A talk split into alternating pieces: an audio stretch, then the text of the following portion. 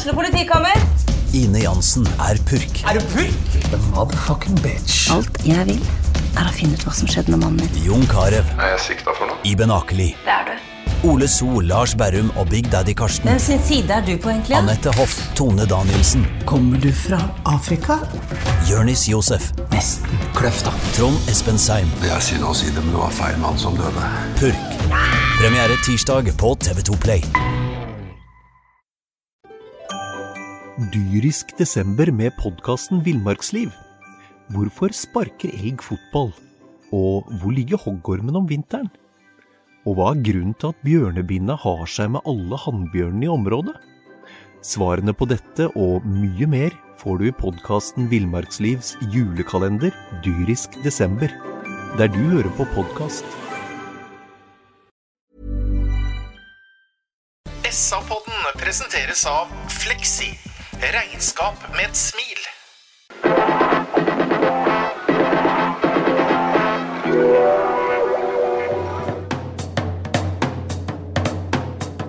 Sarpsborg Arbeiderblad gir deg en ny episode av SA-podden med Sven René Nygård, Øystein Weber, Petter Kalnes og Bjørn Inge Bingen Nilsen. Her er eh, SA-podden 18. mai. Eh, I studio sitter to av tre. Øystein Veberg og Sven René Nygård. Hei, gutter. Er dere slitne, da? Nei, jeg er helt i toppform. Jeg vet ikke Hvordan er med deg, Sven? Nei, jeg er totalt uthvilt. Jeg jeg har akkurat kommet fra noen situps hjemme, så det her ser bra ut. Ja, Men vi var alle enige om at det var en god 17. mai. Veldig. Eh, For å sitere noen som sier at det bedre kan det faktisk ikke bli. Det var en helt fantastisk dag. Sola skinte, og det var første gang på tre år, så dette var nydelig. Det har aldri vært flere mennesker i Sarpsborg sentrumsstadion, Sven. Eh, Det var ikke så mye folk når du spilte fotball for SFK på 80- og 90-tallet. Nei, I hvert fall ikke på stadion, men det var vel en del 17. bak den tida der òg. Men eh, jeg er helt enig i Veberg. Jeg, jeg var helt jeg, jeg gikk ut av eh, Når jeg så på toget i går og skulle gå noen snarveier inn mot eh, gågata, så var det kø for å komme inn til gågata. For der var det sild i tønne, og det, nei, det var helt eh, magisk og fantastisk. eh, en fantastisk dag. Absolutt. Vi skal ikke snakke om nasjonaldagen, men vi skal snakke om eh, fotball. Eh, vår eh, tredje venn, nemlig Bjørn Inge Binge Nilsen, har reist eh, sydover og skal sole sin eh, ellers så bleke kropp. Eh, men vi skal snakke om fotballkampen som gikk på mandag, blir jo det da. 16. mai-oppgjøret på Åråsen, Øystein. Det ender med sesongens andre tap for Stefan Billborn og Sarpsborg 08. Når du satt deg på bussen hjem, for dere kjørte opp buss, hva tenkte du? Nei, det, det er jo eh, litt skuffende, da. Eh, Det er klart at eh, vi kommer litt tilbake til det. Det var jo en fantastisk reise med, med fossefallet denne gangen her. Og det er klart at eh, blir litt sånn eh, nedtur, det, og ikke få med seg noe. For som vi også snakka litt om eh, på Åråsen, Petter, til syvende og sist så dreier dette seg om å få med seg noe. Så, så det går litt sånn lufta ut av det, men, eh, men sånne dager kommer, og vi kommer til å komme sterkere tilbake. Hva tenkte du, Sven? Eh, Inngangen til Stefan Bilborn var iallfall soleklar. Han skulle opp der og eie ballen der òg. Ja, og den inngangen den traff han med 100 de første i hvert fall 15 minuttene cirka. Da var jo knapt Lillesand borti ballen. og Nei, det var eh, Men det var en intens, kall det toppkamp. Den var ordentlig intens. Det var dueller, det var litt juksing, litt frispark. Eh, tørte kanskje ikke å ta de største sjansene noen av laga. Det var liksom en sånn en toppkamp skal være, minner meg litt om noe de kaller for sluttspillskamp i hockey. Det var, eh, og og det, det er liksom det jeg sitter igjen med som jeg i hvert fall er litt fornøyd med. Da, at vi møter et Lillestrøm som er veldig flytende, enda mer enn oss eh, på bortebane 16. mai. Det er 9000, eh, nesten 500 mennesker der, og brorparten er tross alt fra Lillestrøm.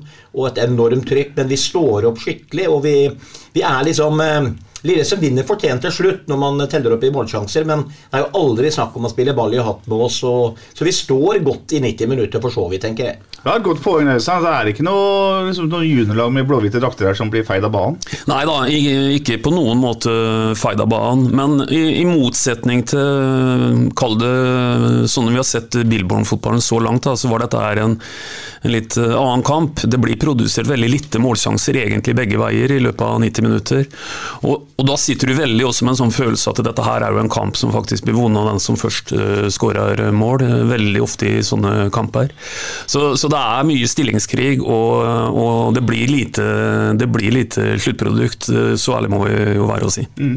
Vi skal gå gjennom kampen litt etter hvert, men vi skal ta noen, noen sånn overhengende ting først. Laguttakelsen. Der velger eh, Stefan Bilborn og eh, Jokke Bjørklund og Magnus Edlund og kompani å benke da uh, målskåreren fra forrige gang. Kristian Fardal Opseth blir satt på benken til fordel for Tobias Hein, som kommer inn i den dype spissrolla som vi har snakka så mye om. Det faktum at han setter målskåreren sin på benken til fordel for Hein, hva tenkte du om det? Nei, jeg, jeg, jeg spådde jo det laget på forrige pod. Jeg sa jo det at jeg tror at Molins går fram. Oppsett ut, og Heins kommer inn hvis han er spillerklar. Og det gjorde han jo. Og med den måten vi spiller fotball som man sier, så er både Molins og eh, Heins jeg håper å si, mer verdifulle i store perioder av en fotballkamp da, enn kanskje Oppsett. Oppsett er kanskje en klarere målskårer i utgangspunktet, men Molins gjorde ikke noe stor kamp nå. Men jeg har sett litt om igjen her, og han har jo en del situasjoner igjen hvor det er sånne toucher som kan mm. Som jeg sier, du nesten må ha mot et lag som Lillesøm, men Garnås baki der, og Petterson og de gutta der, det er robuste, enormt rutinerte, gode fotballspillere.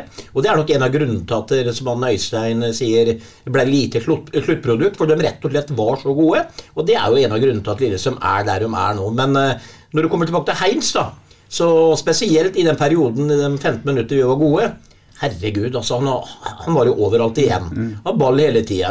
Kjappe ting, eh, korte pasninger, holde ballen i laget. Spilte meget bra, syns jeg, i den perioden her spesielt. og Heinz er en spiller du må ha med hvis du skal spille i Billborn-fotball, tenker jeg, når han er skadefri. Det siste er jo helt riktig. Heinz er jo en spiller som må være med skal du spille Billborn-fotball. Eh, det syns jeg egentlig er veldig, et bra statement. Mm. For hvis du går litt ned på uh, egenskapene Milborn uh, søker etter ved, ved, ved hurtig uh, pasningsspill, pasningssikre fotballspillere, offensiv i huet altså Du huker jo ut på alle boksene der på en Tobias Heins. Og så kan du ha naturligvis ha bedre og dårligere dager på jobben som alle andre, men i utgangspunktet så, så er jeg helt enig i det. Heins og Milborn hører sammen. Mm. Det er ingen tvil om at uh, Billboard har henta. Vi, vi, må jo forutsette at uh, Billboard har hatt et, en, en eller to fingre med i spillet når han ble henta fra Hekken, Sven. Og Billboard vil ha Heinz på banen, som du sier. Ja da, det er jeg helt sikker på. Men sier, eh, Når du skal eie den ballen, da, så må du ha ballbesittende spillere som er trygge med ballen, og som eh, på første og andre touch er gode. ikke sant? Eh, er du dårlig på første touch, så mister du de spillerne ofte ballen. Det gjør du nesten aldri Heinz. Og dermed så har en ballen videre i laget. Så han er selvfølgelig ekstremt viktig, og, og det tror jeg han tenker rundt uh, rundt Molins også, som jeg sier, på en del av de tingene vi har sett noen kamper i år. Hvor det er litt sånne unike ting han gjør som andre ikke gjør. Som åpner, som er en bokseåpner når, eh, når lag legger seg dypt mot 08, som veldig mange lag gjør. Og når Lillestrøm tar imot 08 eh, på Åråsen på 16. mai, som jeg sier, med ca. 8700 hjemmesupportere så legger de seg bakpå. Mm. De eh, frykter litt dette her å gi dem for mye rom til å begynne med. Mm. Så det sier jo litt om uh, hvilken påvirkningskraft denne fotballen 08 har spilt hittil og har på andre lag. Mm. Men i forlengelsen av å plassere Heinz i den dype spissrolla Jeg snakka mye om fotball på 17. mai, bl.a. en uh, gammel oppmann i Tune som heter Knut Karlsen, som har greie på fotball. Han Knut han er opptatt av at uh, Linseth har vært borte de to siste kampene. Både mot Odd, da, da vi husker at Molin spilte i en dype spissrolle, og nå som Heinz gjorde det. Er, en, er, det her et problem at, uh, at Linseth er så mye bedre sentralt i banen, eller mer synlig sentralt i banen i seg? Ja, det kan jo være det, for, for, her kan de jo ikke leie hverandre. En må jo velge posisjonene, og en kan jo ikke spille sentralt med begge, det sier seg sjøl. Eh, så det kan, det, kan jo, det kan, jo, være et problem. Jeg, jeg, jeg tror vi skal være litt rann, uh, avvente litt ja, før, vi, før, vi, er for kategoriske i forhold til uh, akkurat det. Jeg syns det som egentlig har vært mye mer et positivt mønster så langt i sesongen, og dessverre så vi ikke så mye til det på, på kampen nå, det er jo at uh, Eh, vi har produsert mye målpoeng og mål av alle de fire offensive. Og, Det tror jeg vi skal holde fast ved at det er et, er et, eh, et stort pluss. For dermed blir vi også mer uforutsigbare i forhold til at eh, den ene kan ha en dag og den andre kan ha dagen osv.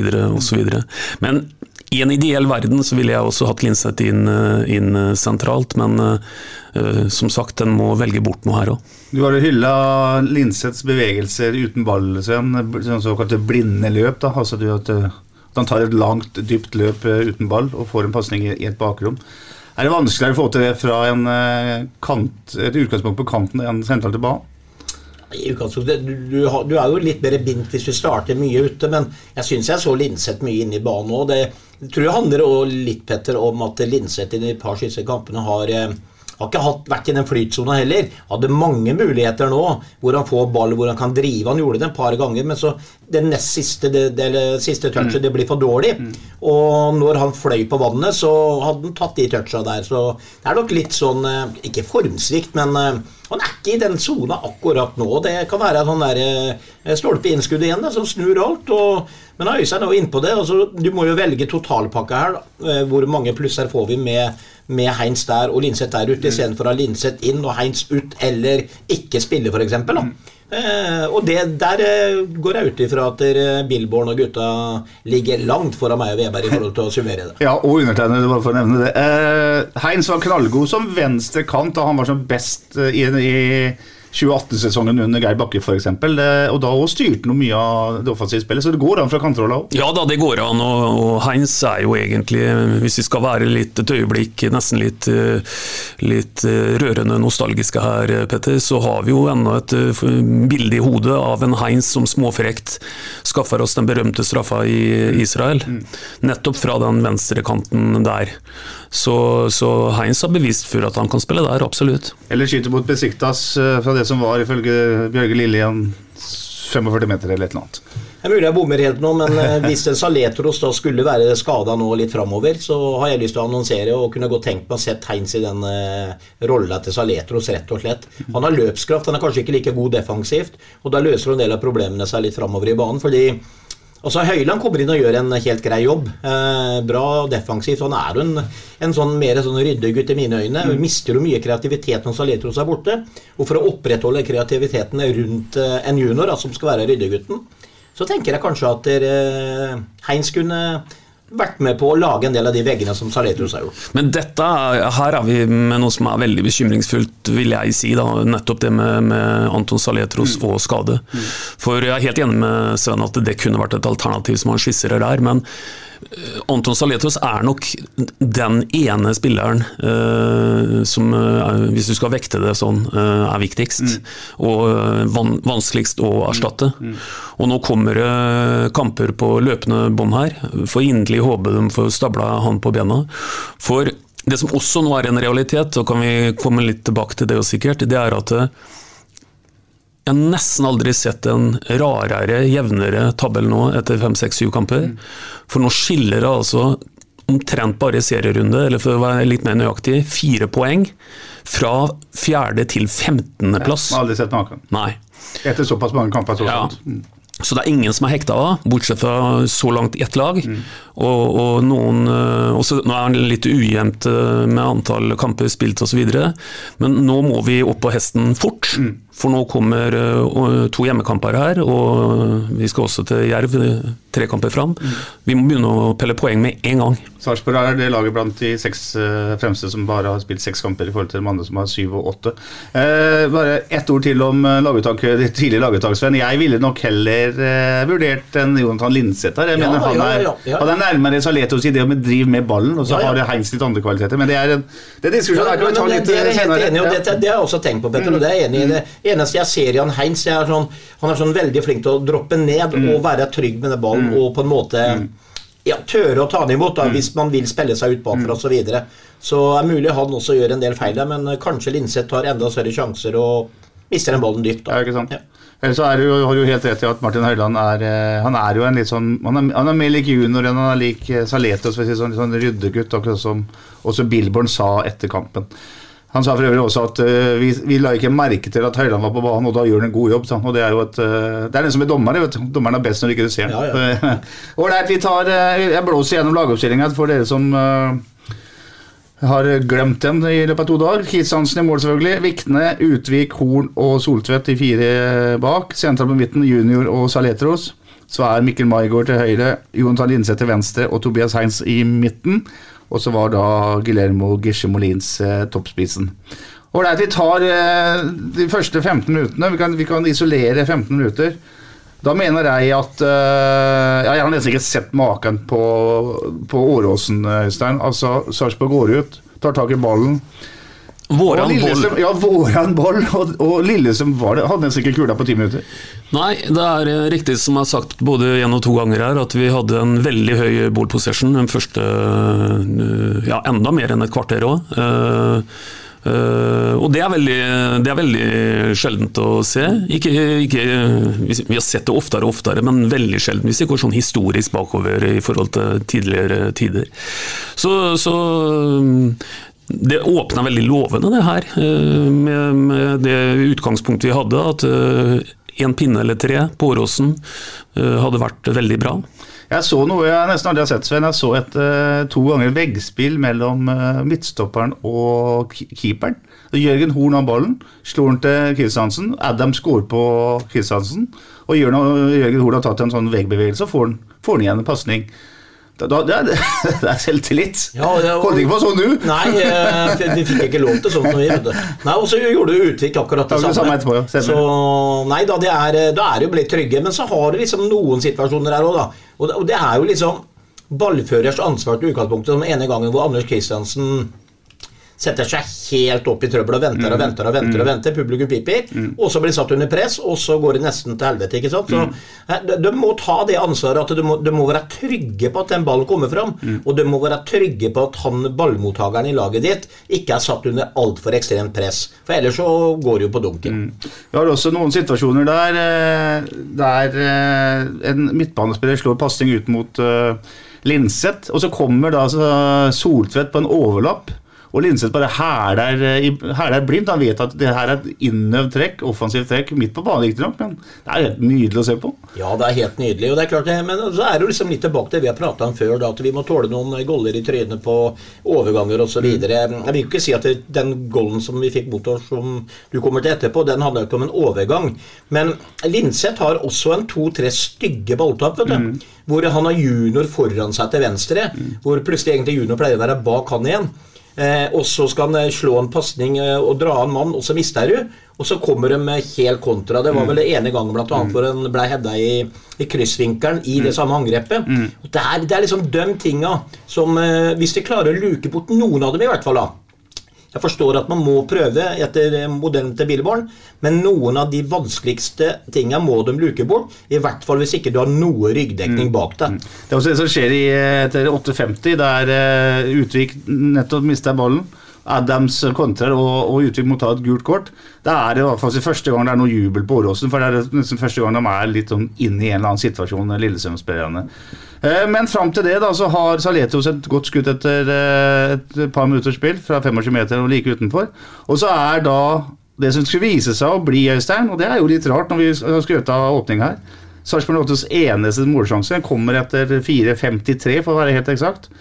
Eh, et nydelig, et helt magisk løp av Eirik Vikne fra høyrebekkplass.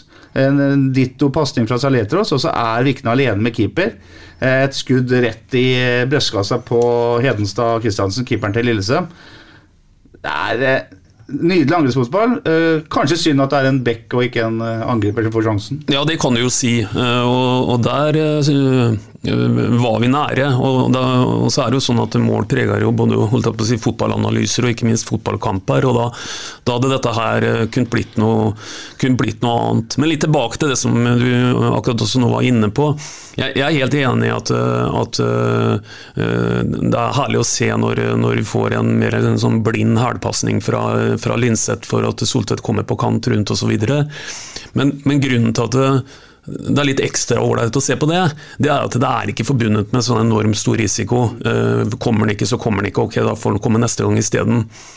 Men Anders Kristiansen skal ikke kødde på den måten som han gjør den ene gangen bak der. Det er nære på at uh, vi, at vi blir, uh, blir straffa. Så, så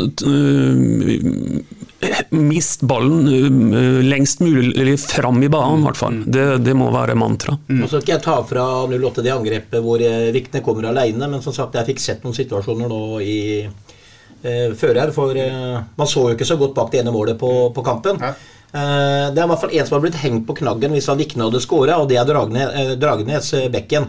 Fordi eh, først så tror folk at det er litt offside.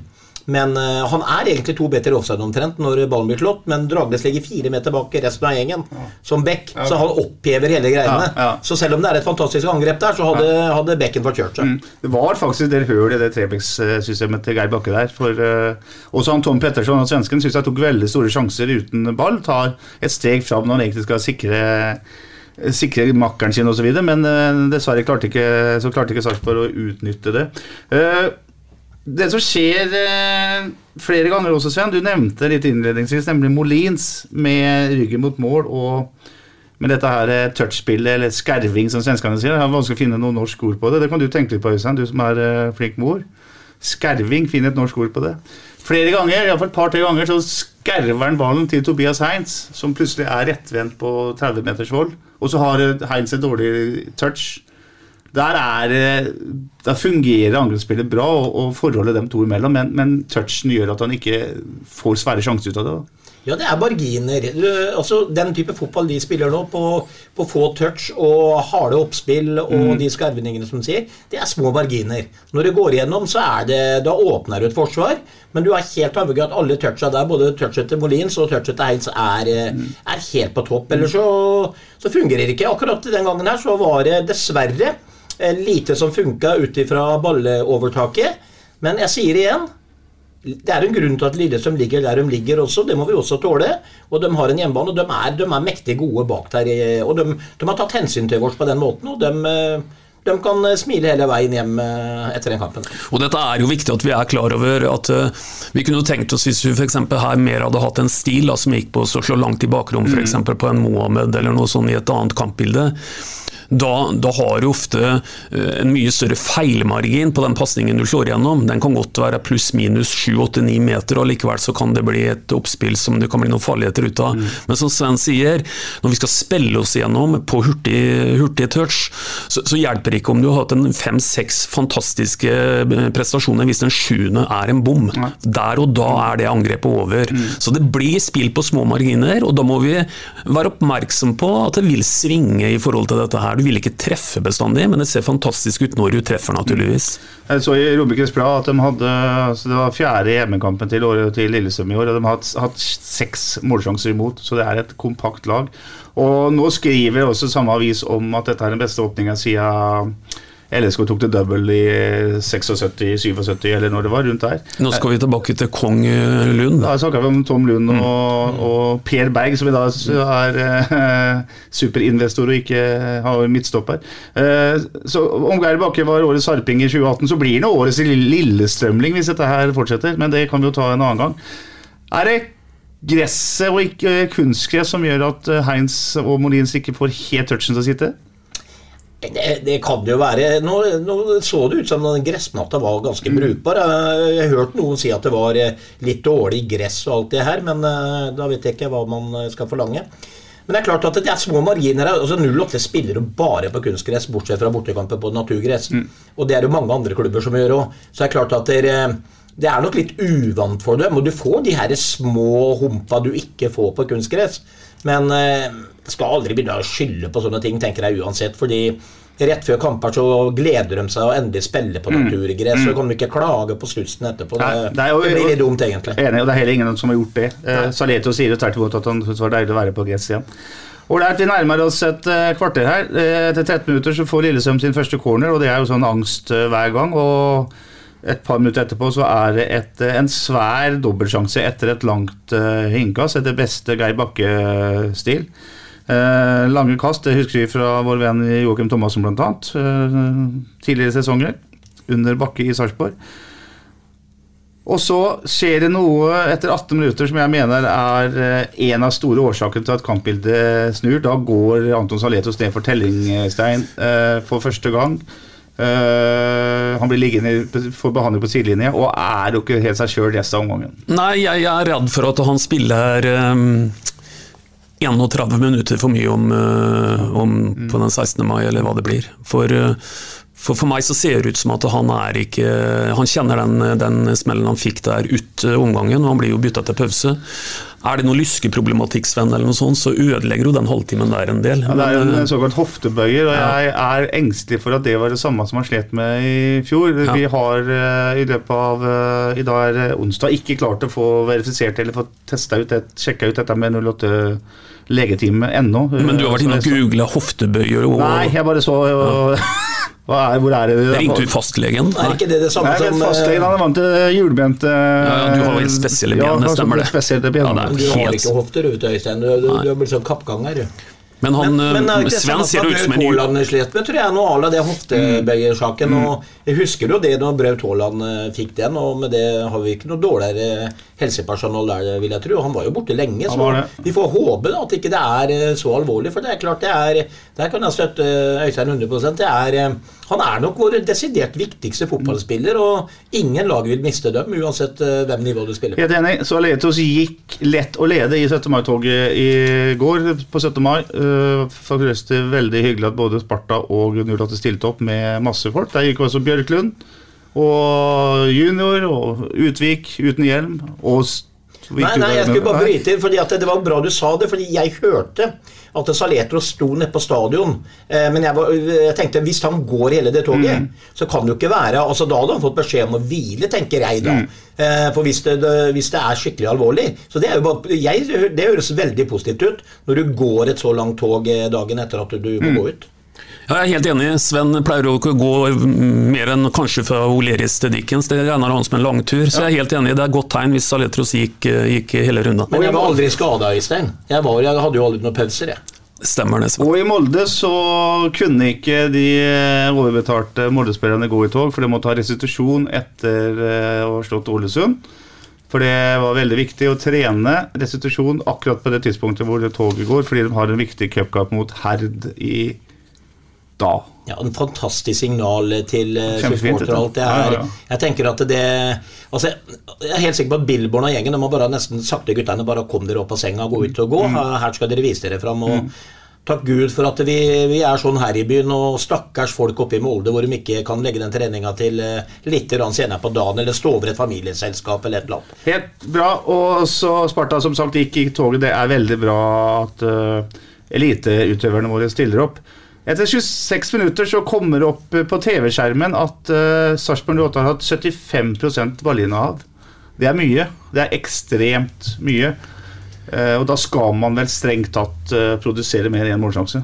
Ja, Det er i hvert fall veldig spesielle tall. Jeg har ikke vært inne og dypdykka på dette, men jeg vil tippe at det ikke har skjedd i Eliteserien så langt i år. I noen bort, at noen bortelag har hatt 75 etter 26 minutter. Så, Vi tar forbehold at det er riktig, selvfølgelig, men eh, både vi som satt på, eh, på langsida og dere som sto bak mål, så jo at det var 08 som hadde ballen aller mest.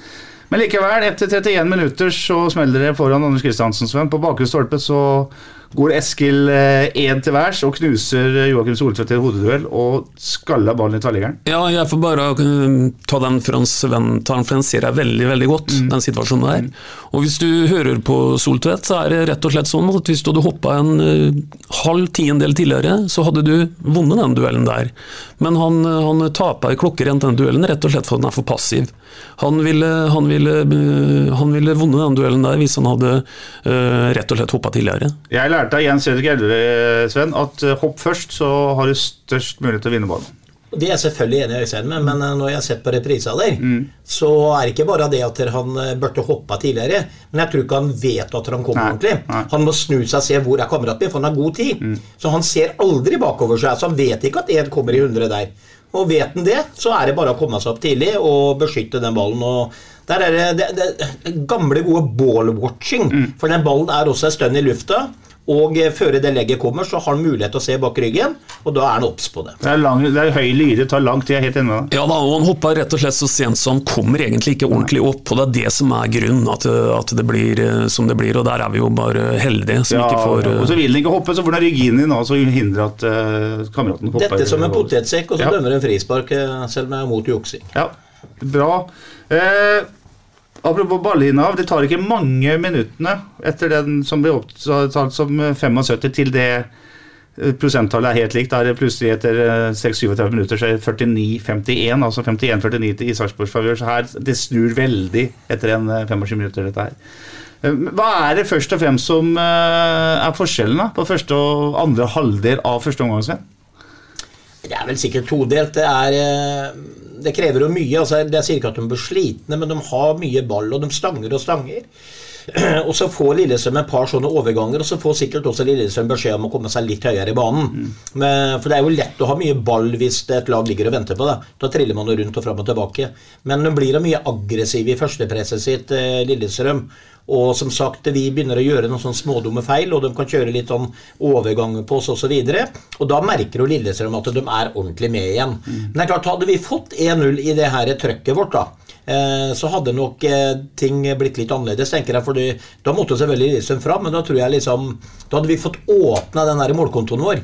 Og det er tungt vet du, å drive og spille i 15 minutter og ha ballen i nesten hele kampen og ikke prestere å få en målsjanse utenom den i bakrommet der. Da. Så Nei, jeg, Dynamikk i fotballkamper, Petter, det vet jo du alt om sjøl. Det kan bare forandre seg på et øyeblikk. Det, og det bare handler også om hva en trener sier i forhold til hvor lavt og høyt du skal ligge. og ja. Og så må vi ikke glemme igjen da, at uh, han som vi rundt bordet her kaller for Sarpsborgs viktigste fotballspiller, han har ikke noe bra da på Åråsen. Og det blir nesten sånn når du leser tallene der, at dette sammenfaller jo veldig med skaden til Saletros. Han, han er frisk i 18 minutter, altså frisk i den forstand at han ikke har noe skade. Og så tror jeg, som jeg sa i stad, at øh, jeg syns han griner litt på nesa og, og har litt vondt utover i kampen, og er av den grunn naturlig nok ikke 100 Er det da, Nå kan vi være etterpåkloke, da. Det er til og med to dager siden. Er det da uklokt å ha ham på banen? Det kommer helt an på hva helsepersonellet mener, hva han svarer på når de vrir og vrenger. Hvor vondt eh, Er Saletros ærlig? Er han så spillekåt at han eh, for, for det var jo langt ut i annen omgang der. eh, I det 40. minuttet nå, tror jeg. Så kom de 100 inn sentralt. Det var ikke tegn til halvting. Det var full fart og speed i beina. Og, I første, omgang, gang, mener du? ja. Ja. så han, ja, sa jeg annen gang. Ja, beklager. Eh, f- før han måtte gå ut, da, så, så virka han jo frisk i beina. I en del situasjoner, i hvert fall. I hvert fall så i forhold til måten han løpte på. Han dro ikke på beina og sånn. Så, men det her må jo Saletos ha ansvaret for sjøl. Hvor vondt har jeg? Og så må jo den helsepersonalet som undersøker han ta et valg der. Så jeg vil tro at hvis Saletros hadde sagt at jeg har så dritvondt, og den andre hadde sagt vet du hva, da må vi gå ut, men uh, han ville prøve, da. Ja, og det er et portugisisk uh, helsepersonal som er leda av uh, gamle SFK-spilleren Shubaka Rubasha som uh, har De har nok mer kontroll på dette her enn det vi har. Særlig nå som Bingen har reist til Syden. for Han er egentlig vårt uh, Vårt Ja. medisinske alibi. Ja. Ja, nei, jeg, jeg er enig. Eh, Mye mer kontroll enn hva vi har. Hadde denne bingen eh, vært der, så hadde den jo løfta snittet betydelig på akkurat det fagfeltet. Bra. Eh, vi har også en situasjon der Jørgen, Du nevnte at uh, Utvik gjorde noen små feil bak. Jørgen Horn gjorde også en grå feil der uh, Gjermund Aasen får en kjempesjanse. Tidligere i omgangen så har for øvrig Horn også redda et eh, mål fra samme Aasen. Kårene vet ikke om dere så den bak mål. Aasen går opp helt nydelig og header den mot uh, lengste stolpe. Der, der blokkerer Horn med panneblasken. Helt fantastisk innsats av Horn. Ja, og la oss bruke et minutt på Horn igjen, da. Altså, ikke sant? Han, han er jo et en, Han har jo ikke spilt fotball på omtrent siden koronaen brøt ut, og han kommer nå igjen. Han er 35 år til sommeren. Og jeg kan jo bare bare stille det retoriske spørsmålet. Tror du headinga til Ed hadde gått i tverrliggeren vår hvis det var Horn som sto sammen med Ed? Den eh, tror jeg de fleste ser svaret på. Svaret er det at Ed ikke hadde hoppa engang. Det hadde han holdt seg unna. Så hadde Eh, han møtt veggen og skalla Horn i bakhuet, og så hadde Horn reist seg på en annen logi. Ja, som jeg sier, jeg blir glad når eh, Jørgen Horn sier etterpå til oss i SA-TV at uh, jeg digger mannen og jeg digger spillestilen. Han henviser da til treneren sin. og Han sier at han i en alder av 35 år lærer noe hver dag. Det er uh, fine ord. Nei da, han, ja, det, er, det, det gjenspeiler eh, trenerapparatet til 08 nå. Selvfølgelig ikke Billborn alene, men eh, det, er, det er helt tydelig at gutta koser seg og har det gøy med fotballen. Og De smiler, og de, når de sier sånn eh, Oppå si ja, alle, alle sier det per i dag, Petter. Både supporter og fotballspiller. Og du ser det på kroppsspråket. Så her eh, det, det, blir, det, blir, litt lettere å reise seg etter et tap med Billborn ved roret, tror jeg, mm. enn eh, det vi har hatt tidligere. Ikke sant. Intervjuene med trenerne i pausa er litt interessante. Geir Bakke han skryter voldsomt av Sarpsborgs start og første 10-15 minutter. Så sier han på sitt sedvanlige vis at de spiste seg inn i kampen utover, og at de på en måte fikk kampen over på sin, sine premisser. Han er stort sett fornøyd med spesielt den siste halvtimen av omgangen. Billboard sier jo det samme, bra start, men så sier han at det er Sarpsborg 08 som spiller seg svakere, som spiller seg ut av kampen mer enn at Lillesøm kjemper seg inn i den. og da henviser han vel til det at man eh, mister mye ball og ikke klarer å holde ball så mye da, som man gjorde i starten. Ja, Det er jo alltid et definisjonsspørsmål, eh, akkurat det der. Men, men eh, det er vanskelig å si at han ikke har rett i det.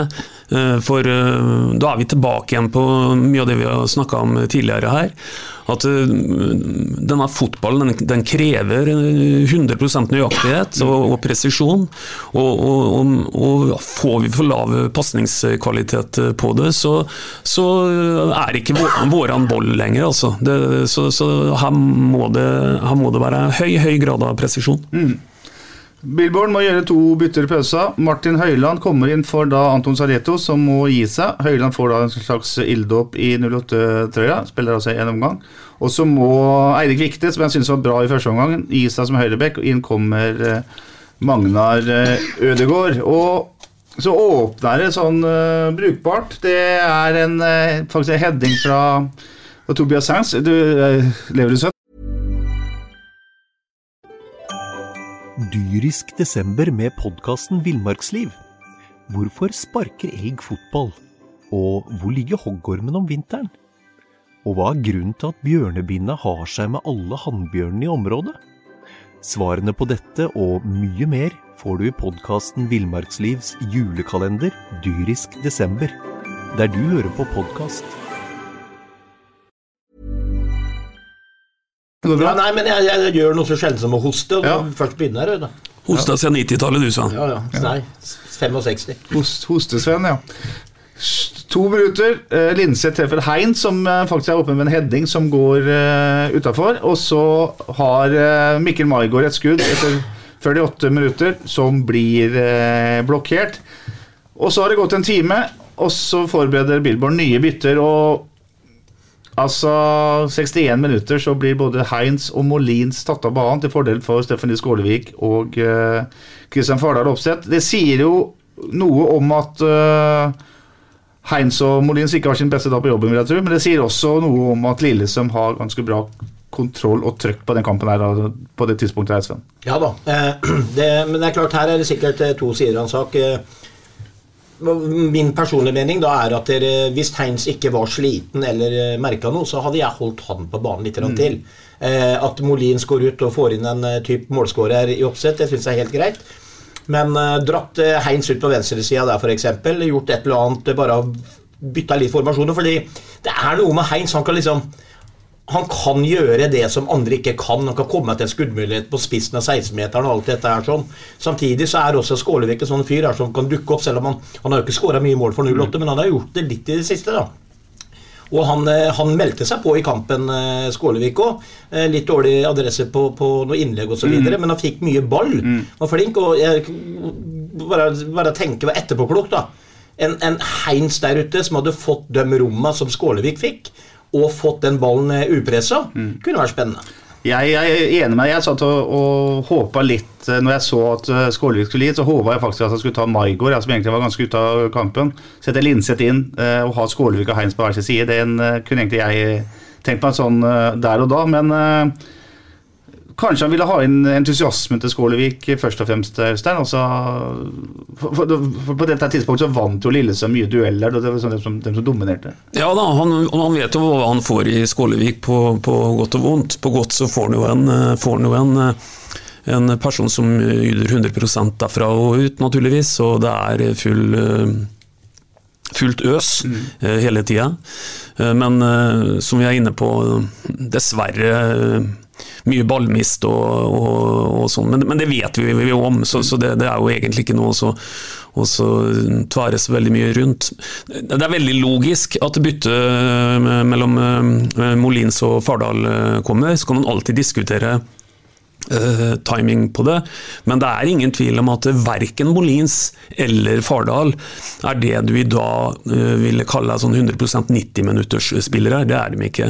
Du ser at Molins har en nedadgående kurve utover, og det er klart, da er Fardal en så god spiss i utgangspunktet at det å sette sammen den beste miksen av de to gjennom 90 minutter, det vil jeg ikke kalle noe annet enn et veldig fornuftig og logisk valg. da. Vi har snakka litt tidligere om Molinsen at, eh, og Bingen har spesielt opptatt av at uh, både Vikingforsvaret, uh, Henriksen i, i Rosenborg, uh, tok en fysisk.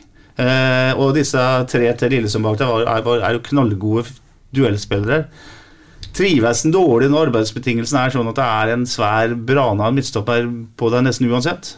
Det er mulig, det, men, men det, det, det, som jeg syns er litt synd med Molins, da, det er at uh, fysikken har han. Mm. Han er en uh, bauta, det òg, altså. Mm. Uh, det eneste, han, han, han, er for mye på hæla noen ganger. Når de oppspillene kommer, så leser midtstopperen oppspillet bedre enn Molins langs bakken. Mm. Så da kommer han seg nesten rundt den. Mm. Altså, Molins kan altså, jeg spilte ikke mye spiss før i tida, men, men, de få gangene jeg gjorde det, så jeg visste at jeg skulle få den, så kunne jeg liksom bare legge armen bak meg og døtte ifra, og så stakk jeg fram. Da har du plutselig tre meter.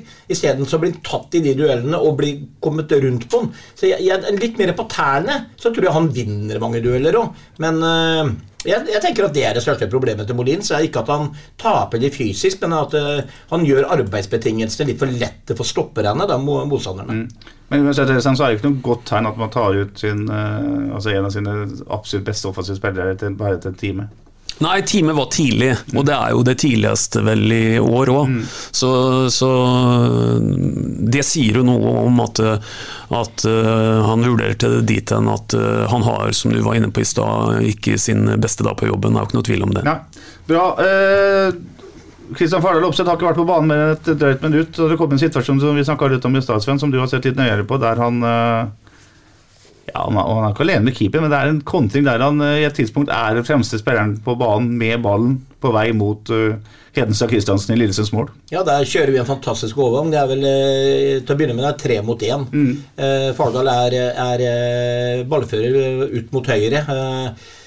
Det blir tatt litt på fart. Liksom, han, han, har et forsprang der, og så blir det nulla mer og mer ut. Og så prøver han vel da på å kjøre en inn med høyrebeinet sitt, enten som en tunnel eller takle seg gjennom spilleren, på en måte, da, for så å få avslutta mot venstre. Og det er jo en megasjanse. Mm. Det er eh, eh Du var også inne på det i stad. Han i løpet der, liksom, rett etter han kom inn på 16-meteren, bare bråstoppa tråkka med ball, så hadde han andre fløy videre. Du kunne mm. bare dratt den innover til venstre sjøl. Mm. Det er veldig lett å si det etterpå, ja. men jeg er helt sikker på at Fardal har tenkt det i bussen hjemover. Mm. mm. Hva han kunne gjort annerledes der mm. for å komme til en upressa avslutning. Og står han på 14 meter med venstrebeinet upressa, mm. så vet alle hvor god den venstrelabben til mm. Fardal er. Og da kunne det vært noe helt annet. Dessverre så enten for langt mot høyre, for trekker han seg inn i banen der, så gir han også, et, uh, gir han også kjempeproblemer til midtstopperen, for da har ikke midtstopperen noen annen mulighet enn å hvis han går ned og takler den, så feier han eh, rett og slett Fardal over ende, og da er det jo utvisning eller straffe eller hva det nå hadde blitt for noe. Ja, men jeg tror også det, Petter. Han så det i venstrekroken, han òg, at det kom to 08-spillere her til. Mm. Så han forventa vel kanskje også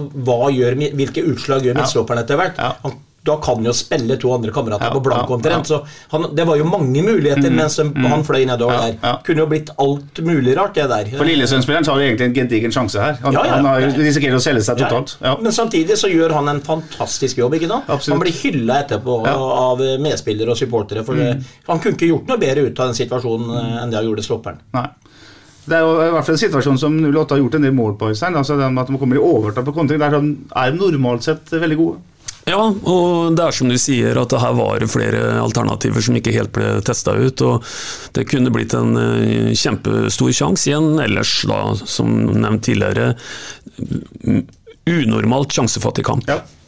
Det er eh, veldig sjansefattig, men dessverre så er det en sjanse etter 66 minutter som eh, resulterer i kampens eneste skåring. Det er flere ting å snakke om når det gjelder forsvarsspill, Sven. Vi kan jo begynne med den enkleste. da det er jo at uh, Magnar Løregård dessverre feilberegner en uh, ballen spredt midt på banen der. Han spretter og slett over huet på. Ja, og det snakker jeg, da, da syns jeg synd på Magnar. Mm, mm. Kommer inn uh, Og det er klart at dere, Normalt sett så taper ikke Magnar den duellen, eller han, han beregner den annerledes. Og da hadde da hadde det ikke blitt noe mål. Det, det er liksom, det er stygt å si det nå, at eh, den er jo hovedproblemet. Det er jo den som gjør målet, og ikke alt andre småruske etterpå. Selv om man kan pelle på ting der sikkert også, så er det den eh, feilen der som gjør at de kommer. Det er en fæl situasjon. for du, han, når, han ser ballen sprette, så skjønner han at han har gjort et feil. Og da det er det på en måte ikke noe det er, det er, Du er over the point of no return, som det heter. Ja da, og denne innser jo Magnar garantert sjøl at, at det er et tabbe. Uh, og så blir liksom tabba, kan du si, den blir, den blir enten større eller mindre, litt, litt på hvor på banen det, det skjer. Ja. Uh, hvis den ikke hadde gitt noen konsekvens, så hadde vi kanskje knapt nok sittet og snakka om det, men eh, vi blir straffa, og da da er det lett å gå tilbake og peke på den situasjonen der. Den, den, den havner ikke Magnar i forhåpentligvis noe mer denne sesongen her. Nei. Uansett så er det Eikjord Adams som får den ballen på midtstreken, Sven. Og han tar med seg Bjørn Inge Utvik på en eh, løpetur. Det Utvik sier etterpå, er at han er opptatt av å få Adams ut på sida, altså vekk fra mål. Uh, og at han heller får slått ballen inn foran mål enn at han avslutter sjøl. Akkurat det gjør jo uttrykk bra. Han presser den ut mot uh, sin høyre side, men uh, likevel får Adams slått ball inn foran mål. Jeg tør å påstå det altså, i ettertid at uh, forskjellen på Lillestrøm og 08-kampen her, det var Adams. Han var en evig trussel. Han uh, er en kraftpakke. Han uh, terroriserer oss i perioder. Det er, du tør liksom aldri å gi ham rom. Han har, han har egentlig alt. Og jeg syns at Utvik gjør en god jobb, og Utvik går ned og prøver å takle når ballen blir slått inn. Men altså, han er rask, han er sterk, han har alt. Og så kommer han Ibrahim Hai eh, inn der på et godt løp. Kan sikkert se på og stenge litt rom og sånn, men det er en utrolig god prestasjon av Adams. Det er et godt løp, det er et godt fotballmål, som vi hadde hylla, tror jeg, i 08. Ja, løpet er jo, kommer vel fra motsatt kant, så han tar et langt løp. Eh, ene midtstopperen til Sarpsborg 08, han eh, Utvik er jo ute, så det er en færre foran mål. Og så kommer eh, Ibrahim og setter han i kassa fra forholdsvis eh, kort eh, hold. Ikke så mye å gjøre med den eh, Selvfølgelig så skulle alle fotballspillere skulle ha plukka opp han. Eller ønska at han var blitt plukka opp, da. Ja. Alle som holder på med 08, men sånn var det jo ikke. Men jeg bare så en reprise her, og det er mulig jeg tenker feil der, men uh, idet den ballen blir slått inn, da, så er det liksom venstrearmen til Anders er litt sånn halvhjerta når han kaster seg. Okay. Og så ja. står Soltvedt der også, er litt halvhjerta. Så liksom eh, nesten så akkurat der og da fikk jeg en følelse av at begge to stola på at den andre skulle på en måte blokkere der hvor ballen kommer inn. da. Eh, det er mulig jeg tar feil her, men det så litt halvhjerta ut med venstrearmen til Anders. Og Soltvedt gjør seg ikke så stor, for han tror kanskje at Anders er på vei ned eller et eller annet når den ballen kommer langs bakken. Vi må ta én situasjon til som eh, der også Bjørn Inge Utvik er involvert, som det har vært i diskusjoner rundt i ettertid. Og vi vet at han fikk et gult kort tidlig i første omgang.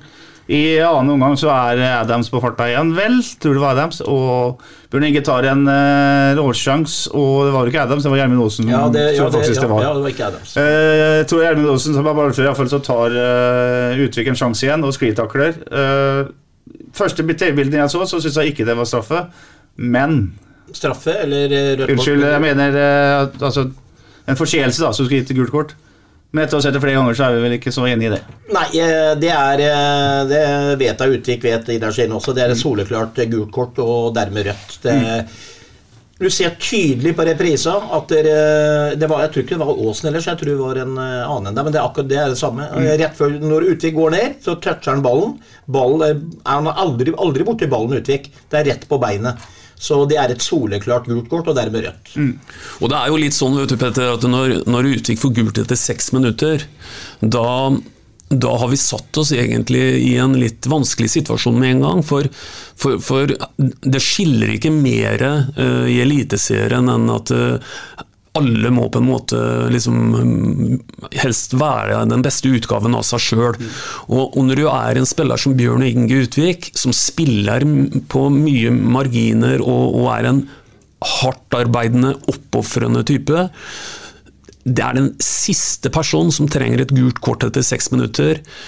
Han kan gjøre to ting derfra. Han kan enten øh, være en dårligere utgave av seg sjøl enn det han ellers er, Eller så gjør han det han gjør bestandig.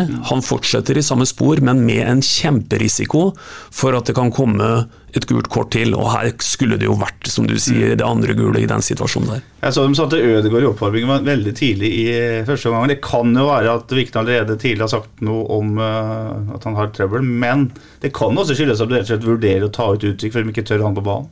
Ja, det kan være det, men jeg vet ikke hvor langt skipper er unna da. om han skulle... Nei, det burde jo vært skipper, selvfølgelig. Så kanskje. Det kan jo kanskje være Ja. at det er signal at Ødegaard var tiltenkt noe Mm. rundt Vikne. Da tenker jeg at de da heller hadde satt skipper på oppvarming. Men uh, han har jo helt rett i det, men Det er et problem for Utvik med spillestilen å vite at han går rundt med gult kort. Mm. Og samtidig så tror jeg ikke han eh, han, han firer jo ikke en duell etterpå heller, så jeg tror ikke han bremsa så ille ille mye. Men akkurat den situasjonen vi prater om nå, der tror jeg han trodde han hadde mer kontroll enn han hadde. Men så kom det touchet på den ballen som gjør at han egentlig aldri er nær den, og dermed så stopper han overgangen ulovlig. Ja, og klart spille nesten 90 minutter mot uh, Adams på gress uh, og vite at du ikke skal få gult kort ennå. Det er en øvelse, det. Og han klarte det, da, selv om han kanskje fikk litt hjelp av dommeren. Eh, utover kampen så er det dessverre ikke mye Sarpsborg eh, skaper. Jeg har et eh, til 71 minutter et av den beste angrepet som ender med et eh, skudd fra Martin Høiland høyt over. Men da, var det, da hadde man ballen en stund. Og så er det en gedigen sjanse med Adams for Lillestrøm alene med Anders Kristiansen, som redder veldig bra. Det er en kjemperedning. Ja, og de, Dette sier vi nesten i hver pod, tror jeg. Der er jo Anders Kristiansen kanskje den beste i Norge på sånne type skudd. Og vi ser det gang på gang på gang. Altså, Jeg har sagt det før, det skulle vært artig å nesten sette ham i en topp eh, håndballkamp mm. og sett hva han kunne gjort i mål for et håndballag. For han er så reaksjonssterk. Han går ut i stjerne, som Ja. han eh, gjør. Og, Ja, og er reaksjonssterk og, og, og tar ofte de der. der. Det er nesten så du ja, Jeg skal ikke si at han ikke var nervøs der for å få skåring imot, for du får jo ikke større sjanse enn alene med keeper, men Anders er god der, altså. Det ble 1-1 der da, mellom Anders og Hedenstad, for begge tar nesten samme redningen. Ja, ja. Begge med høyre armen. Også meget god redning av Hedenstad der, og fordi han kommer nærme han, eh, han Vikne der. Men det gjør også vanskelige arbeidsbetingelser for For han kaster også opp eh, armene på samme måte. Det er ikke helt kontrollert, den redningen der heller, men det gjør seg stor. Mm, det gjør seg stor. Eh, etter 77 minutter så kommer Rashad Mohammed på banen til fordel for eh, eller Mikkel Maigard ut, og Rashad kommer inn. eh, hva bidro Rashad med, syns dere? Nei, Rashad bidro litt, han syns jeg. Han han eh, vi, vi vet jo hva Rashad eh, står for, og han ble forsøkt satt opp i, i en del situasjoner. Jeg hørte av mange som sa at eh, nå, nå skal liksom Rashad få boltre seg i bakrommet her, men det er klart at mot Geir Bakke på Årås du ligger under, så, så er det vel ingen som tror at det skal bli enormt mye bakrom, og det, det lider jo naturligvis en spiller som Rashad under. Men jeg syns faktisk at han at han øh, har kommet seg litt på det der med å så, øh, forsøke å komme til døvelinja og levere fra seg noe som kan minne om brukbare innlegg. innlegg. Syns vi så tendenser til det nå òg. Syns du Billborn fikk noe respons fra Raja denne gangen? Sen? Altså, han satt kanskje Lillestrøm på litt prøve og sånn taktisk sett, jeg vet ikke pga. farta. Men det var jo ikke noe bakrom, som Nei. Øystein sier her. Og det blei jo ikke noe sluttprodukt nå heller, i mine øyne. Eh, Det, det han klarte da igjen, det er å snakke på seg gult kort, liksom. Mm. I frustrasjon igjen. Og det bør man ikke ha til så få minutter, og da er han frustrert på noe annet, tenker jeg. Han har to gule kort allerede, på hvor mange minutter vet jeg ikke, men det, akkurat det har jeg aldri likt, og det liker jeg fortsatt ikke. Nei, og, og det går an å gni den litt mer eh, inn, for eh, Rashad skulle hatt eh, gult kort før den situasjonen han fikk gult kort i, så han rekker veldig mye han i forhold til det, det negative på den sida der, i løpet av et kvarters tid. For jeg vet ikke om du legger merke til den ballen hvor han mener at eh, det blir feil innkast, altså i hans disfavør, og han smeller den ballen i bakken. Det er helt fantastisk at dommeren ikke gir gult kort på det, for det, det, det er alltid gult kort, men jeg vet ikke om dommeren et øyeblikk tenkte at eh, nå har jo ikke gutten vært inne på mange sekundene, så vi får vente litt. Rann. Ikke sant. I hvert fall så er det jo helt riktig som dere sier at det blir jo ikke bakrom for eh, 3-4-3-systemet til eh, Geir Bakke. Det ender jo selvfølgelig med fem bak når det er eh, så kort tid igjen og eh, man leder 1-0. Lillestrøm er nær et eh, mål nummer to. Nemlig et uh, offside-mål som går rett i kassa. Der vil hele Åråsen ha skåringsevne, men du har sett det og er overbevist om at dette her er en riktig avgjørelse å blåse offside. Helt, uh, den er helt krystallklar uh, når du ser i sakte film. Det er en stuss inn til Adam som er i offside. Han treffer ballen. Men det er svært lite han treffer han med. Det ser du jo så vidt han toucher skinnleggen, og den går inn, og da er han i offside. Dermed er det offside. Og for å forsterke det, da Mange mente jo kanskje at han ikke var nær men for å forsterke det etter at jeg så han traff den, så setter han fingeren i brystkassa si mot dommeren og peker på seg sjøl. Det er min goal. Og da har han vært nær. Sånn har vi sett før, Øystein. Hvem var det som peka på seg sjøl og ville ha et mål? Det var Røde Roger, det, vet du. Han er jo dessverre Det er hvil i fred der, da. Han gikk tidlig bort, Roger Albertsen. Han eh, løper jo over halve Ullevålmatta han og peker på skotuppen sin. Og diskusjonen går vel en dag i dag om det var Roger eller Tom Lund som, eh, som skåra det målet der. Mot England i 1981. Roger Albertsen, som var Oddas store fotballspiller, var det ikke det? Jo, det stemmer. Var det en liten eh, lite side, sidesprang? Var det ikke men en liten omvei? Det meste her er sidespor, Petter. Det var en liten omvei til det faktum at du skal si at fotballkampen 16. mai på Åråsen ebber ut med 1-0-seier til Lillestrøm. Uh, Jeg syns du har fått mye ut av det etter en kamp med én målsjanse i løpet av 90 minutter. Så det er godt jobba, det, Petter. Bra jobba. Uh, For de harde fakta er akkurat som eh, Øystein sier, at det er faktisk sånn at Sarpsborg har eh, ett skudd på mål. Det er 6-1 til Lillesøm Lillestrøm i skudd på mål. Eh, Skudd som går på utsida mål, så er det 9-3 til Lillesøm. Skudd totalt er eh, 17-8 i Lillesøms eh, favør. Hvordan de får til det der, er- det betyr også at en del skudd er blokkert. Og så har eh, Anders Kristiansen fem redninger, mens da Hedenstad Kristiansen har én. Det sier litt om at eh, kanskje Lillestrøm vinner fortjent, selv om Sarpsborg ender opp i et uh, ballinnehav eh, over det, overtak på 56% mot 44 til eh, Lillestrøm. Ja, nå har jo til og med, nå har jo til og med Sven en stalker fra Lillestrøm som følger denne poden her Mm. og så videre, så du kan jo fjerne kanskje, tenker jeg, og si at Lillestrøm vinner fortjent. Ja, vi- når, du, når du vinner på alle parameter, så, så, så vinner du fortjent. Vi får by på den. Men eh, kan du fortelle meg om du har fått en stalker på Lillestrøm, Sven? Er det noe, Nei, det var en, noe vi ikke vet om, eller? en Stian Olaussen, eller Stian i hvert fall, som plutselig sendte meg en melding og spurte om eh, Er det du Sven på SA-podden, sånn? Ja, svarte jo. Ja, det, det er jeg, sa jeg. Og han er vel kanskje en sånn litt fotballnerd som hører på ting. og Han hadde hørt på podden vår, Ja. og han skrøt hemningsløst av den. og det eneste han skrev på denne andre meldinga si da, det var at jeg er egentlig litt nervøs, den, sånn. For sånn som du har framlagt den i poden før kampen, så virker det som det er Real Madrid som kommer på besøk. Så han eh, Nei da, han, eh, han skrøt av det. Vi tippa litt resultater osv., og, så videre, og han fikk jo rett til slutt av eh, at de vant. Ja. Fortsett å høre på oss, Stian, hvis det var det du heter. Og så var jo Real Madrid, men det varte jo bare et kvarters tid. Ja, Real Madrid i 12-15 minutter. Ja, det var ikke, er ikke gærent bare det. Ålesund-Molde 0-2. Glimt-Tromsø 1-1. Skal vi stoppe litt ved den, gutter? Hva er det som har skjedd på Aspmyra? Nei, det er et godt, uh, godt spørsmål. Uh, ja, det, nå har de i hvert fall avgitt mer poeng da, enn enn de har gjort på nesten de øh, siste sesongene til, til sammen. Men uh, er det ikke noe som heter at intet tre vokser inn i himmelen? Det er vel kanskje det vi ser her. Og så blir jo etter hvert en blir jo veldig forberedt på et lag du studerer og studerer og studerer. og det er klart at Du må sikkert aldri møtt en mer kollektiv uh, trenerkompetanse mot seg enn de gjør nå, da, inn i den tredje sesongen med, med suksess.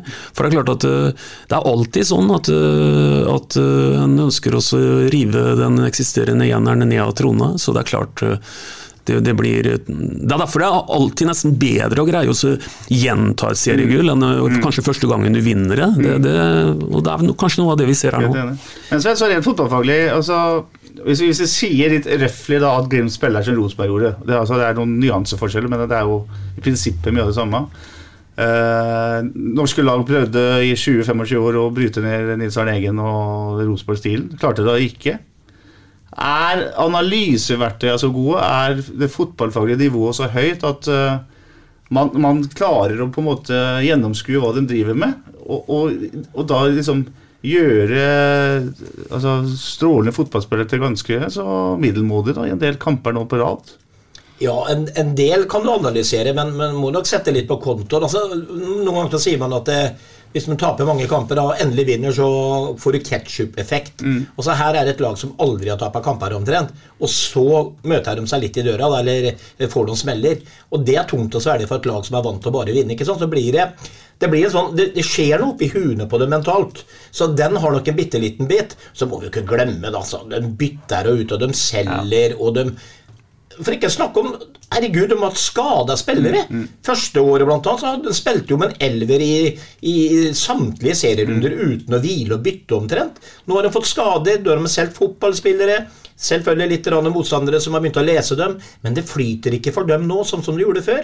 For det, det, og det har mye å si med alle de her gutta som har blitt borte osv., Mm. tenker jeg. Så her er det marginer. og Hadde Lillestrøm eller Lillestrøm ser jeg Bodø-Glimt eh, for to år siden, da, med det samme laget i dag, og analyseverktøyet da mm. Jeg tror ikke analyseverktøyet hadde klart å ta dem da. for. Da var et år spillerne eller bedre. Ja, ja, ja, ja. Bra. Kristiansund Strømsgodset 0-3. Vi skal bruke ett ord på mot, eh, om Kristiansund og Øystein. Det eneste laget som står bare med ett poeng så langt etter seks matcher.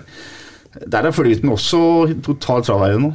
Ja, og de, jeg husker vi tapte de fem første, og da var det jo sånn at det er ingen lag som har overlevd i Eliteserien med å ha tapt de fem første. Nå har jo egentlig Kristiansund den nesten hakket vanskeligere. De har ett poeng på seks. Eh, De skal nok utvilsomt også bryte en statistisk barriere for å overleve i Eliteserien. Og det kan bli, det kan bli tøft. Eh, Men igjen, det, kommer jo inn på et spor her, og så vi vinner et par kamper. Se på Haugesund nå. Jeg vet ikke om Paco har jobbet uh, våren ja, i, i Skien. De har tapt 0-4 hjemme for et, et båndlag.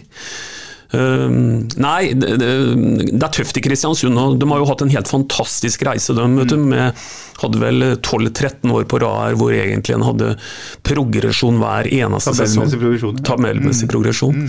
Og nå, eh, nå ser det ut som eh, kanskje om de ikke er ved reisens slutt, så, så må de eh, gjøre noe nå, for nå er det nok litt krisestemning der oppe. Ja. I tillegg så sliter de visstnok også ganske tøft økonomisk, så det er eh, ikke så veldig lystig akkurat nå i, på Nordmøre. Vi får håpe det snur for dem. Du nevner at Odderne ryker altså 4-0 hjemme for Haugesund på 16. mai. Det er ikke spesielt hyggelig. Rosenborg slår Sandefjord 3-0. Viking Jerv 3-0. 0-0 lenge, men i Viking er i døtten. Uh, Vålerenga HamKam 1-1. En fin, fin uavgjort til Vålerenga der, hjemme mot uh, HamKam, ja. Er det noe- Fagermo er nok heller ikke like høy og mørk som han har en tendens innimellom til å være. For det er klart, han òg òg har møtt litt uventa skjær i sjøen så langt. Og i intervjuene jeg, i, på NRK Radio etterpå, så var han sånn som han pleier å være når det går dårlig. At han angriper da han stakkars reporteren som stod, prøvde å stille noen eh, kritiske spørsmål. Det er eh, alle noe godt tegn om treneren gjør det. Hersketeknikk. Ålreit. Viking topper da. Åtte matcher, 19 poeng. Lillesøm nummer to. Syv kamper, 17 poeng. Molde tre med syv kamper og 13 poeng. Og så er Sarpsborg 08 nummer fire med ti poeng på seks kamper.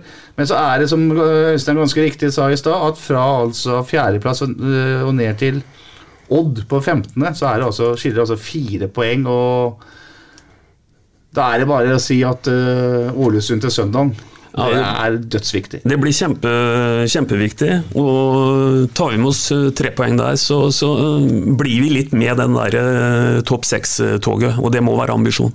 Ja, om to to-tre kamper nå, så tenker jeg at da kommer det skillet opp på topp og eh, nedre sjikt, så Nei, den blir helt, helt uh, superviktig, og da håper jeg virkelig at folk nå nok en gang kommer og støtter gutta på stadion også.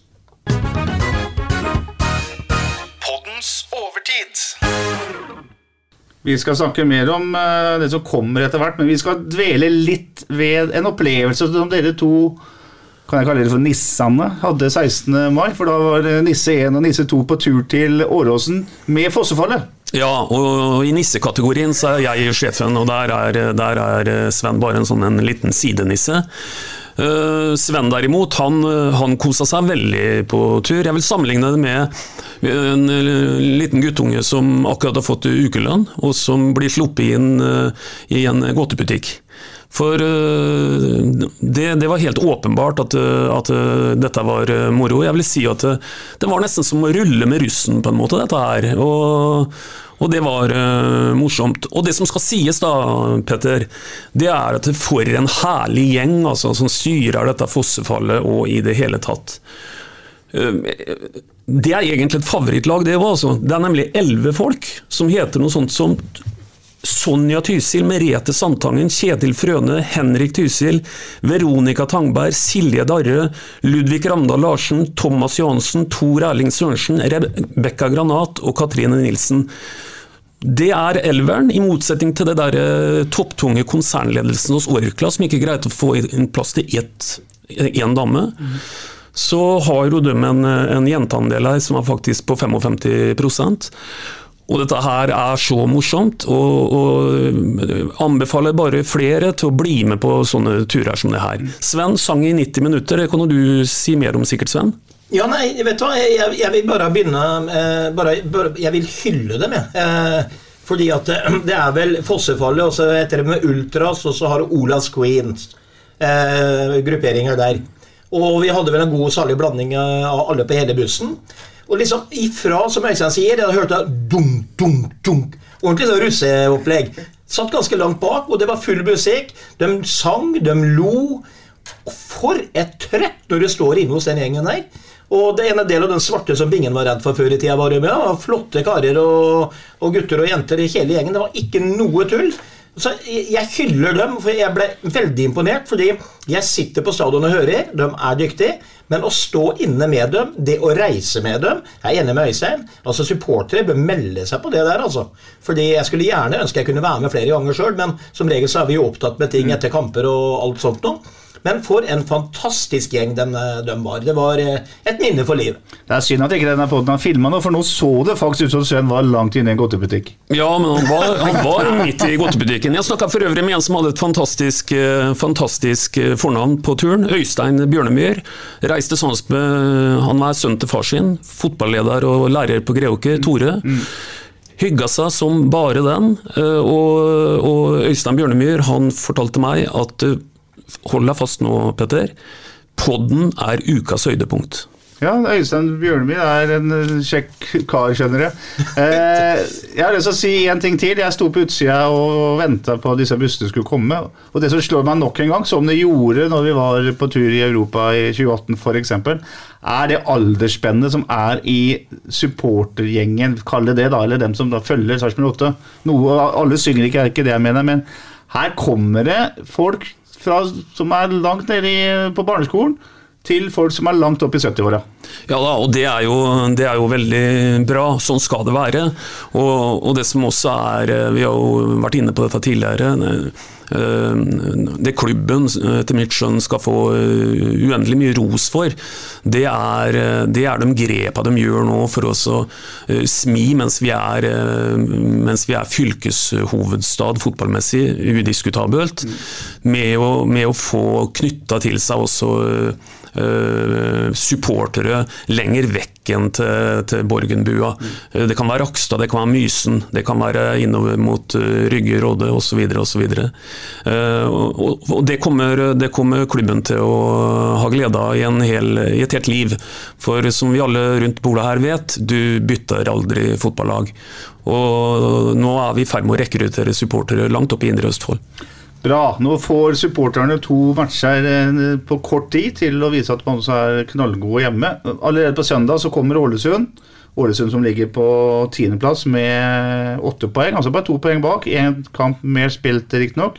Også på Kristi himmelfartsdag neste torsdag så kommer Molde, som er på bronseplass per nå, til stadion. To deilige hjemmekamper. Vi holder oss til eh, Ålesund, eh, Sven. Da er det bare å gå ut og eie kampen, er det ikke det det handler om?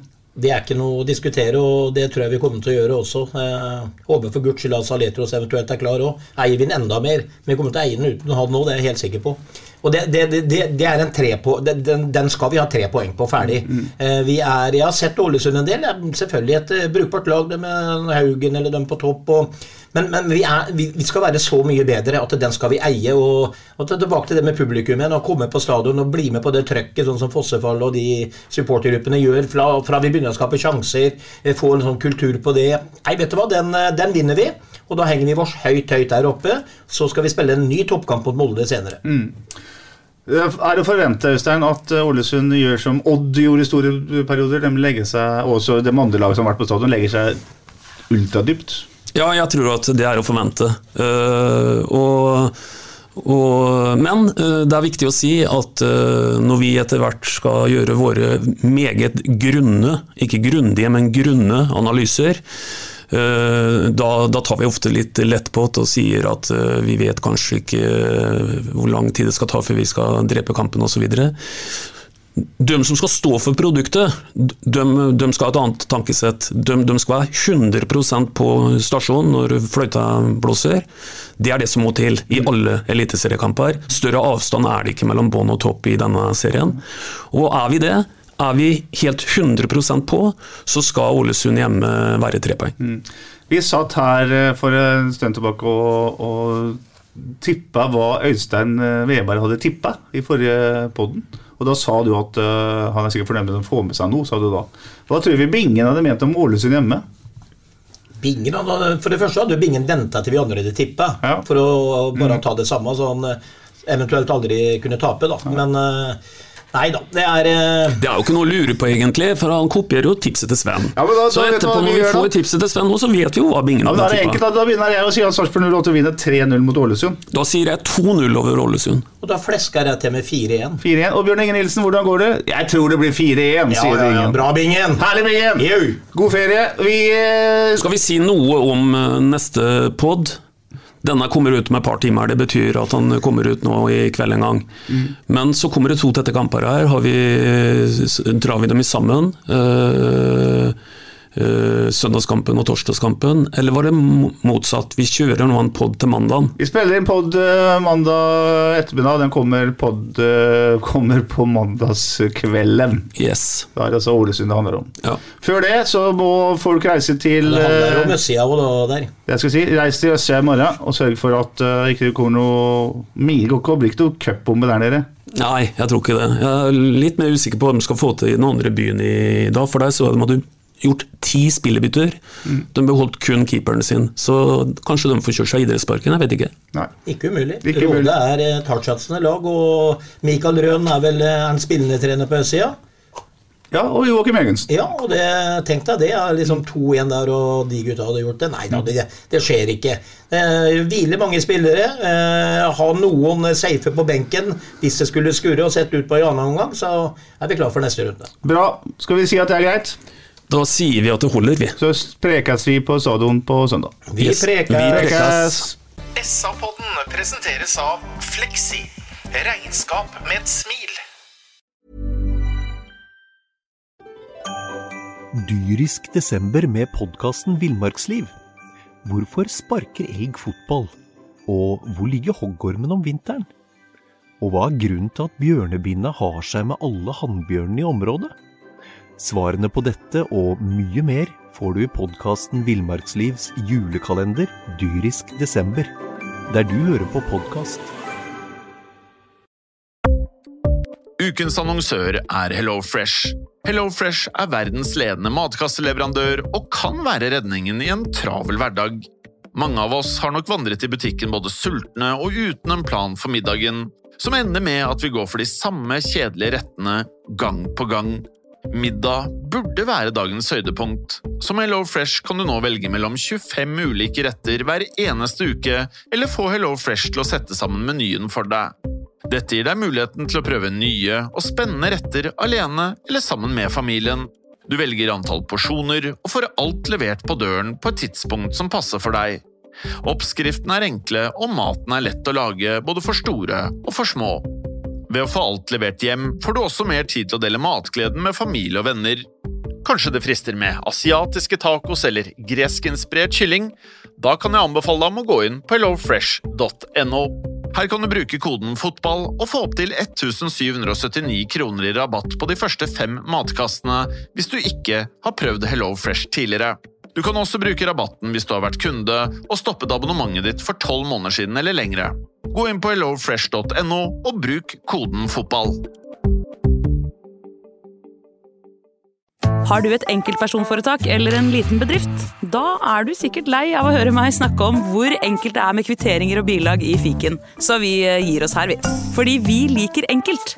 Fiken superenkelt regnskap.